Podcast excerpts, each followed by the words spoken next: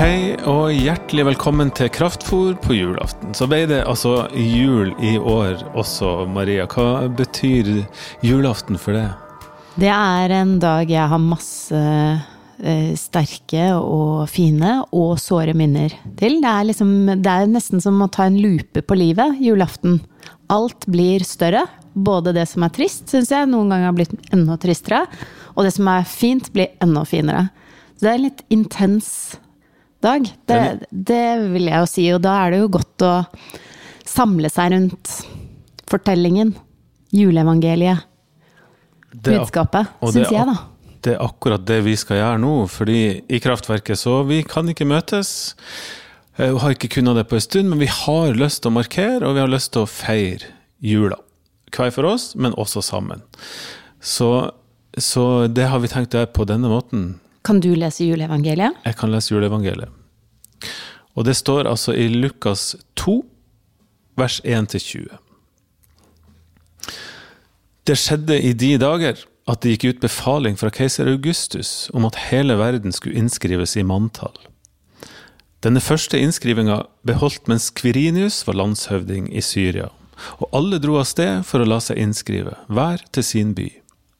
Josef dro da fra byen Nasaret i Galilea opp til Judea, til Davids by Betlehem, siden han var av Davids hus og ett, for å la seg innskrive sammen med Maria, som var lova bort til han, og som venta barn.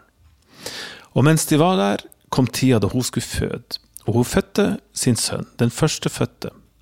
Hun svøpte ham og la han i en krybbe, for det var ikke husrom for dem.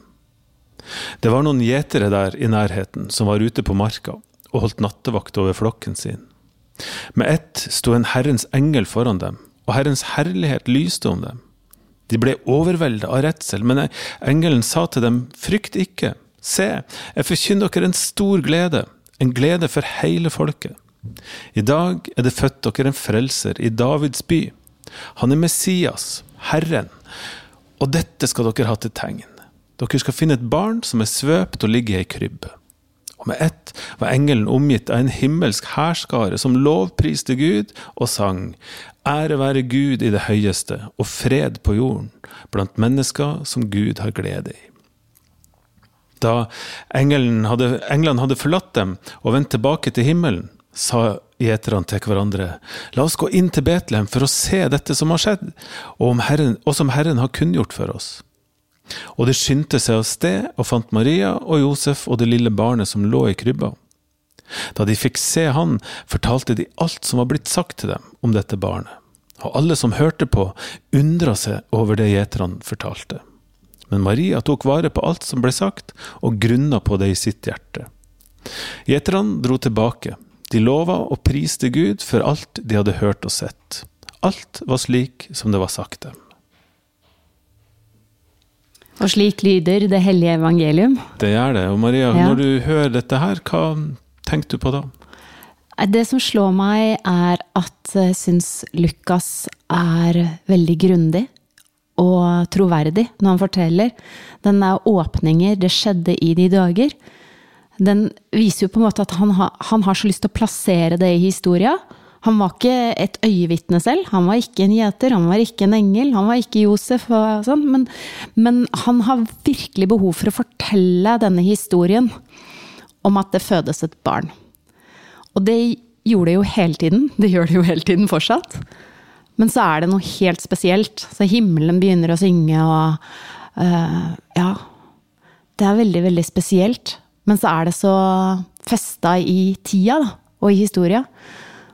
Og det er kanskje Når vi hører historia i dag, da, så lever vi jo en tid med masse fake news-anklager, og hva er sant, hva er ikke sant. Der er det en person som virkelig prøver å si sånn Det her har jeg fått fortalt fra mange, og sånn skjedde det.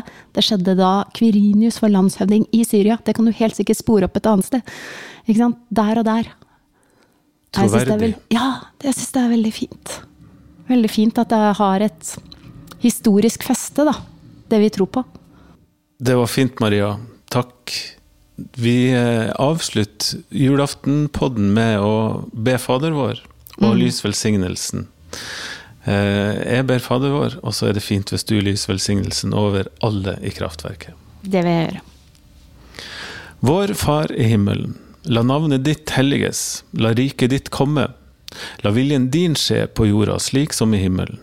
Gi oss i dag vårt daglige brød, og tilgi oss vår skyld, slik også vi tilgir våre skyldnere. Og la oss ikke komme i fristelse, men frels oss fra det onde, for riket er ditt, og makten og æren i evighet. Amen. Herren velsigne deg og bevare deg.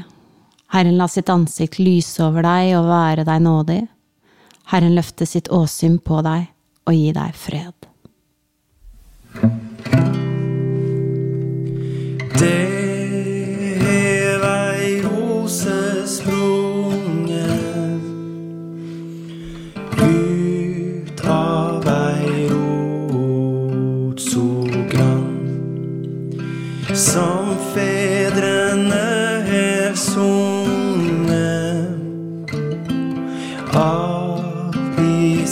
Isais rot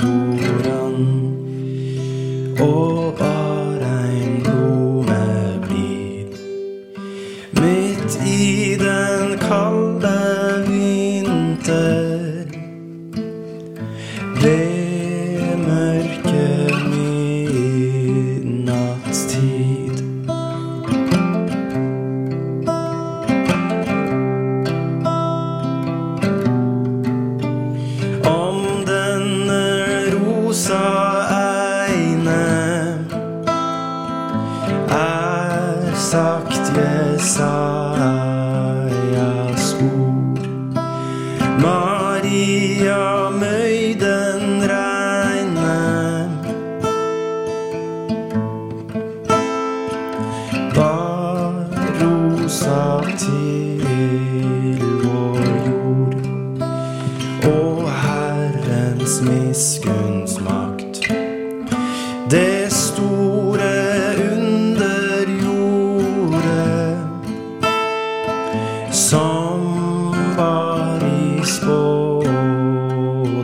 i spådom